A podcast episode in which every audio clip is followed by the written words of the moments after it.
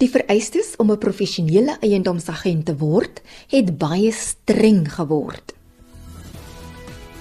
Ek is Olivia Sambo en dis Rand en Sent, RSG 100 tot 104 FM. Baie welkom by die program.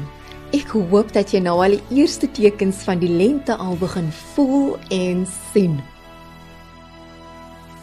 West Hendricks is 'n kandidaat eiendomsagent by Imac Plan Eiendomme in Pretoria. Hy beskou mentorskap en bereidwilligheid om te leer as een van die belangrikste boustene vir sukses. As jy in 'n bevoordeelde posisie is om rolmodelle te hê in mense lewe, is dit fantasties, jy weet. Mens kan altyd kies of jy wil leer by iemand of jy nie wil leer by iemand nie. Ek dink dit is 'n besluit. Wil jy leer by iemand of wil jy nie leer nie, jy weet. Baie kennis word oorgedra en is beskikbaar, maar as jy kies om dit nie te ontvang nie, dan gaan jy nie leer daardeur nie. So die persoon wat ek by wou leer was iemand wat 'n deskundige is in die area in eiendomsmark en ek het gekies om te leer by die persoon. So jy weet jy met mentorskap moet jy ontvang en jy moet dit aanvaar. Baie mense wil vir jou mentorskap aanbied, maar die jeug van vandag rebelleer mos teen enige iets in die algemeen. Dit is partykeer tot ons ondergang. So ek het daai mentorskap voor aansoek gedoen. As 'n kandidaats eiendomsagent moet jy aansoek doen vir internskap.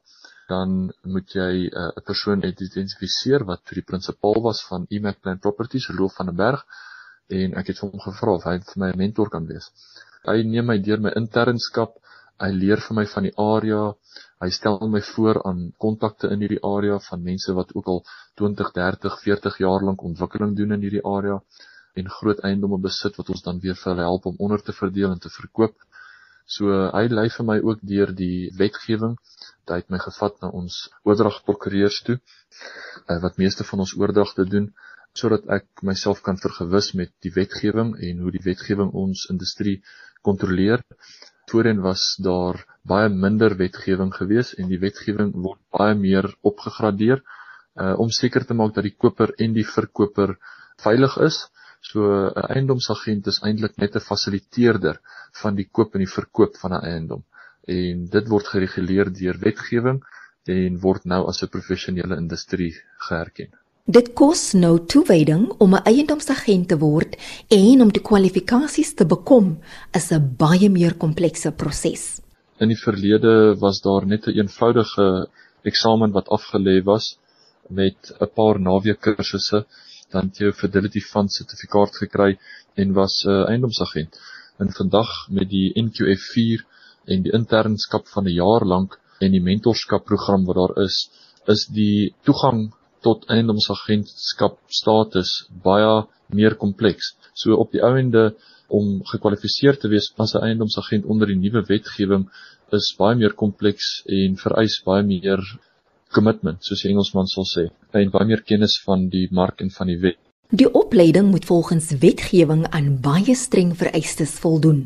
Ek is 'n kandidaats eiendomsagent, so ek is nuut in die bedryf. Die kennis wat ek het in die bedryf kom van my mentor af en kom van die kursus wat ek doen om 'n eiendomsagent te word. Van die nuutste wetgewing wat ek sien, dat dit baie moeiliker is om te kwalifiseer as 'n volstatus eiendomsagent omrede jy deur 'n jaar lank internskap moet gaan en 'n mentorskapprogram en dan gepaard met dit gaan 'n mens deur die NQF4 kwalifikasie wat 'n logboek behels waar jy weekliks en maandeliks praktiese en teoretiese eksamens en projekte moet aflê en geonderteken moet word wat dan weer goedgekeur gaan word deur die kursusaanbieders. En as hulle gelukkig is daarmee kan hulle dit afteken, dan kan jy volstatus eiendomsagent word. So die een van die laaste dinge wat gedoen moet word na die internskap, na die logboek, na al die swattery, na al die praktiese kursusse is 'n uh, eksamen wat afgelê moet word en dan as jy daai eksamen suksesvol aflê, kry jy dan jou Fidelity Fund sertifikaat en word jy as tot vol eiendomsagent status bevorder. En dan moet jy ook nog eiendomme ook verkoop as deel van jou opleiding. En wanneer jy 'n agent is, moet jy ook probeer vasstel watter eiendom in die behoeftes van die koper of verkoper sal voldoen.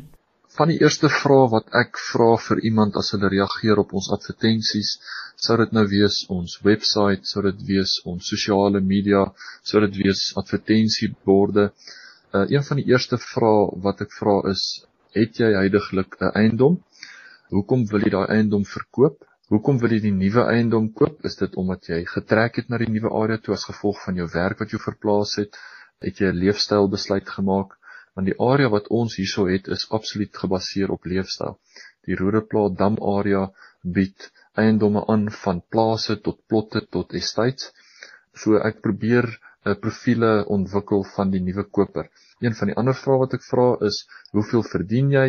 'n Ander vraag wat ek vra is, is jy 'n kontantkoper of is jy 'n koper wat gaan 'n lening aangaan? En al daai tipe vrae is vrae wat die koper homself kan vra. Kan hy die nuwe paaiement bekostig al gaan die rentekoers op? is die huis wat hy nou wil koop naby sy werk, naby die skool van die kinders en gelukkig leen hierdie area homself toe om meeste van daai vrae te beantwoord.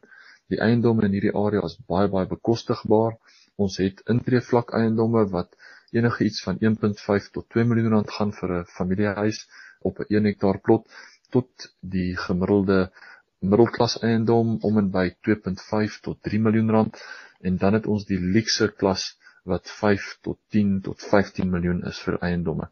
So ek probeer altyd daai vrae vra vir die koper en op sigself skep ek 'n profiele en dan weet ek wat se eiendomme om aan daai persoon voor te stel wat in daai persoon se behoeftes gaan voorsien. Hoewel die agent nie die finale sê in die transaksie het nie, is daar steeds faktore wat sekere kopers 'n voorsprong sal gee. Weet jy, elke koper se kredietprofiele lyk heeltemal anderste. Die bank sien elke uh, koop en bepaal elke koop op sy eie meriete. Ek is nie 'n bond originator nie, so ek kan nie regtig vir jou daar sê nie, maar wat ek gesien het is dat kopers wat dit deposito neersit, het 'n groter kans op 'n lening. En kopers wat dit deposito neersit, het ook 'n groter kans om dat hulle aanbod aanvaar word deur die verkoper as 'n koper wat nie 'n deposito het nie. 'n eiendomsagent sit altyd met die keuse en probeer altyd in die belang van die verkoper op te tree. Dit is ook die verkoper wat die eiendomsagent se kommissie betaal. So die uh, eiendomsagent sal die beste kooptransaksie voorlê vir die verkoper en in meeste gevalle is dit of 'n kontantkoper of 'n koper wat 'n groot deposito kan neersit of 'n koper wat goeie kredietwaardigheid het. Indien jy kan bekostig om 'n eiendom kontant te koop, sal dit tot jou voordeel strek. Weerens elkeen se kredietprofiele en se finansiële posisie lyk anderste. Uh partykeer is dit baie voordelig om kontant te koop want dan spaar jy op daai maandelikse premies wat mense maandelikse begroting verlaag wat vir jou net baie minder finansiële bekommernisse gee. So partykeer is 'n kontant koop baie baie voordelig. 'n uh, kontantkoper sit ook dan met die leverage om te onderhandel op prys omrede die verkoper weet dat dit 'n sekere transaksie is die koop hoef nie weer uh, deur 'n vooraf goedgekeurde proses te gaan by die banke om goedkeuring te kry nie so die oomblik as daar 'n kontantkoper is wat 'n aanbod maak dan spits almal se oortjies dan is almal reg om besigheid te doen so die kontantkoper sit definitief met die hef in die hand en dit is al klaar 'n kopersmark omrede die rentekoers so laag is en as 'n mens nog bo op dit 'n kontantkoper is, dan het mens die geleentheid om te onderhandel. En dan is daar 'n uh, uh, definitief geleentheid vir winskoope. Die goedkeuringsproses wat baie vinniger en die registrasieproses plaasvind, vind dit ook omtrent 'n maand of twee goedkoper. Die hele uh, registrasieproses is 'n bietjie vertraag as gevolg van COVID-19 So die munisipaliteite se uitklarings vat definitief omtrent 2 keer langer. So ek sou sê die gemiddelde verwagting wat ons het vir 'n kontantkoper vanaf aanbod registrasie en oordrag is tussen 2 en 3 maande en die gemiddelde transaksie neem omtrent tussen 3 en 4 maande vir 'n leningsooreenkoms en 'n leningstransaksie om goedgekeur en oorgedra te word. Dit was West Hendricks van Imac Plan Eiendomme in Pretoria. Tradisioneel word mans as die broodwinners beskou en word finansiële besluite baie keer steeds aan hulle oorgelaat. In baie verhoudings word daar nooit oor geld gepraat nie en is vrouens nie betrokke of word hulle nie geraadpleeg wanneer finansiële besluite geneem word nie. Baie welkom terug by Rand en Sent. Is 100 tot 104 FM. Ek is Olivia Sambo. Stuur gerus 'n WhatsApp teks of stemboodskap na 076 536 6961. Jy kan ook inskakel op die DSTV kanaal 813 of luister aanlyn by www.rsg.co.za waar jy ook die program kan aflaai. Ibeth van Heerden is die hoof van kleinhandelbesigheid vir Schrouders in Suid-Afrika. Sy moedig vrouens aan om meer betrokke te raak en ingelig te wees omtrent hulle finansiële welstand. Maar sy erken dat dit moeilik is om oor finansies te praat en dat dit om verskeie redes 'n komplekse onderwerp kan wees. Ek ken vrouens wat hulle eie besighede het wat nie weet hoe om 'n unit trust belegging oop te maak nie. En dis reg oor die wêreld, nee, dis glad nie uniek in Suid-Afrika nie. Van daai navorsing wat ons gesien het, wys dat in 60% van gevalle los vrouens hulle finansies vir hulle spouses of partners om te hanteer versekerde deel daarvan is hoe ons groot geword het. En in sekere kulture het vrouens nie eers hulle eie spaarrekeninge nie. Hulle kry geld of allowances van die mans met wie hulle getroud is of van hulle ouers en dan eendag begin hulle werk en dan het hulle hulle eie geld. Wat doen jy dan daarmee?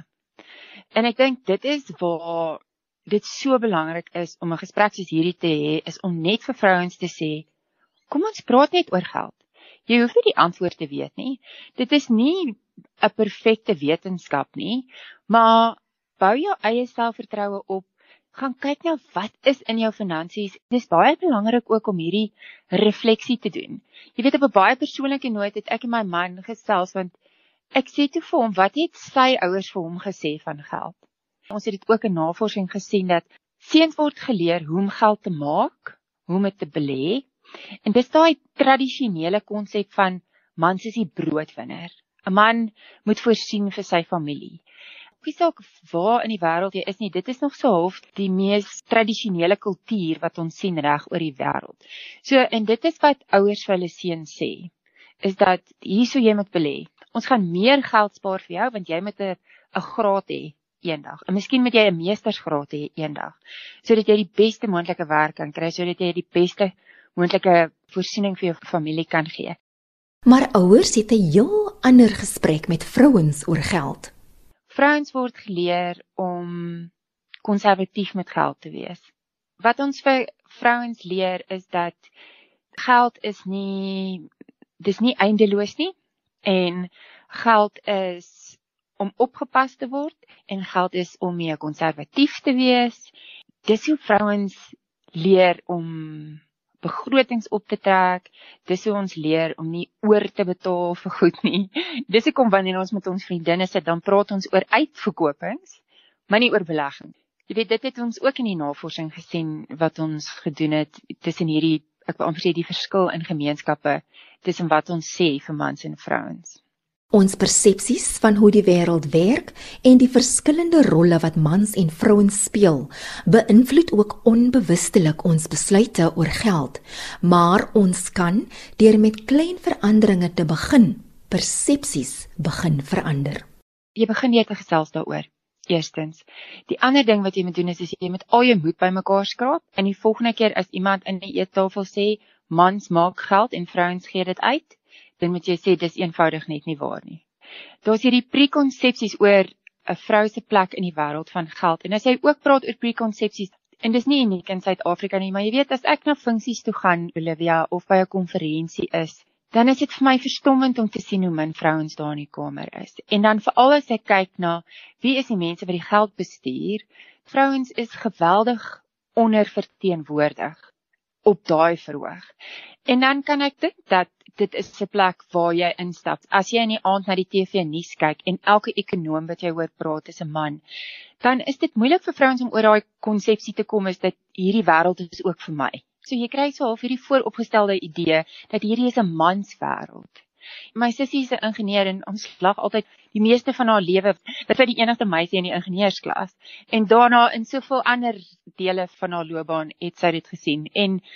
op 'n stadium het jy jou eie refleksie daaroor om te dink dat is hierdie regtig dan my plek in my wêreld? As jy so hard moet beklei om 'n stem te hê en om verteenwoordiging te wees en gewaardeer te word vir jou eie unieke perspektief wat jy na die tafel te bring. En ek dink dis belangrik vir finansies ook. Vrouens kyk na die na die wêreld wat hulle sien as jy by die bank instap, as jy kyk na die mense wat die geld bestuur. Daai prekonsepsies is baie belangrik. Prekonsepsies wat mense in hulle huis dupliseer as ek dit so kan stel, is baie belangrik. En jy weet, as ek nou dink Eerstens praat daaroor. As jy dit sien, sê hierdie is eenvoudig net nie waar nie. 'n Prekonsepsie is 'n prekonsepsie want dit lyk so. Dit beteken nie dit is so nie. Dit lyk net so. Vrouens moet ook aangemoedig word om mekaar meer te ondersteun op verskillende maniere. Nou veral met COVID sien ek dat baie Suid-Afrikaners koop meer by plaaslike besighede. Nou as jy 'n vrou is, gaan soek 'n besigheid wat deur 'n vrou bestuur word. Ondersteun haar besigheid. As jy na die praktyk toe gaan waar die tandartse is, is daar mans en vrouens, dan soek jy die vrou en jy vat miskien jou dogtertjie om na die vrou tandarts te gaan. En ek sê nie maas moet net dogtertjies na na vrou tandarts toe vat nie. Wat ek sê is dat as wanneer jy hierdie speelveld gelyk maak, want onthou seuns sien reeds al die mans in die wêreld. Staan jy, hulle sien reeds hierdie magswanbalans as ek nou so 'n kras woord kan gebruik. Maar dis een van die goed wat ons kan doen is om te sê is dat daar is professionele vrouens in die wêreld. Kyk, hulle is tandardse of haarkappers is natuurlik die teenoorgestelde byvoorbeeld. En ek is nou besig om om baie vir algemeenings te maak daaroor, maar dit is van die goed wat ons kan doen om 'n wêreld te skep waar jy net visueel ook 'n ander realiteit vir jou kinders en in jou huis kan skep. Die ander en hierdie is dalk die belangrikste ding is dat die ander grootste miskonsepsie is die een wat jy in jouself het. Is as jy dink dat die wêreld van beleggings is nie vir jou nie. As jy dink dat om welvaart te skep is nie vir jou nie, dan moet jy self 'n refleksie gaan doen en te sê, hoekom dink ek dis nie vir my bedoel nie? Wat stop my om om hierdie tafel te gaan sit? Wat stop my om hierdie na te jaag en vir myself te claim in die wêreld te sê wil? Sy beskryf 'n huwelik of 'n familie as 'n span wat 'n vennootskap vorm waar die besluite wat geneem word ons lewens op verskillende maniere raak. Wanneer mense begin praat oor finansies dan raak dit 'n finansiële vennootskap reg? En soos enige finansiële besigheid het dit 'n balans daar. Daar's bates, daar's laste, daar's inkomste, daar's uitgawes. Ek dink deel van die uitdaging oor afloop van tyd en geskiedenis vir vrouens is dat In terme van conquer and divide, neem hulle net aan een deel van daai balans staat. So as jy dink aan toe jy 'n huis gekoop het, nou moet jy 'n aansoek doen vir 'n lening by die bank. Nou gewoonlik tradisioneel het mans 'n groter inkomste gehad, so hulle kan kwalifiseer vir 'n groter huislening. So mans doen aansoek vir die huislening en dan word die huis geregistreer in jou man se naam byvoorbeeld. So die bate op julle balans staat is in jou man se naam. En omdat hy die huis afbetaal, betaal vrouens sê net maar die uitgawes in julle huis. Hulle koop die inkopies, hulle koop die kinders klere, hulle betaal die skoolgeld, ehm um, miskien betaal hulle die versekerings, maar daai balans staat conquer and divide. Daar's niks verkeerd met die beginsel van conquer and divide nie, maar na 20 jaar het jou man 'n bate afbetaal. Essensieel het hy iets om te wys vir sy geld. En wat die vrou gedoen het, was net so belangrik geweest. Maar Hannes het op die uitgawes gedeelte van die balans staat en sy het niks om te wys daarvoor nie. Haar kinders het 'n fantastiese opvoeding en ek sê nie dis niks nie, maar wanneer jy dink in terme van welvaartskepping, sy het nie deelgeneem in die gedeelte wat bates genereer nie. Dis ook 'n moeilike ding om jou kop om te kry want dis hoekom ek gaan terug na om te sê is like die eerste ding wat 'n mens moet doen is om te self sien oor is om te sê wat wil ek hê en hoe gaan dit werk? En jy en jou man kan praat daaroor, maar dan ook hoe dupliseer jy iets anders vir jou kinders in die toekoms? Dit was Ibis van Herden van Schrouders in Suid-Afrika. Ek het ook met West Hendriks van Imac Plan Eiendomme gesels. Die program word weer Woensdagoggend om 04:30 uitgesaai. Stuur gerus 'n e-pos na randencent.rsg@gmail.com. Ek is Olivia Sambul en ek groet tot 'n volgende keer.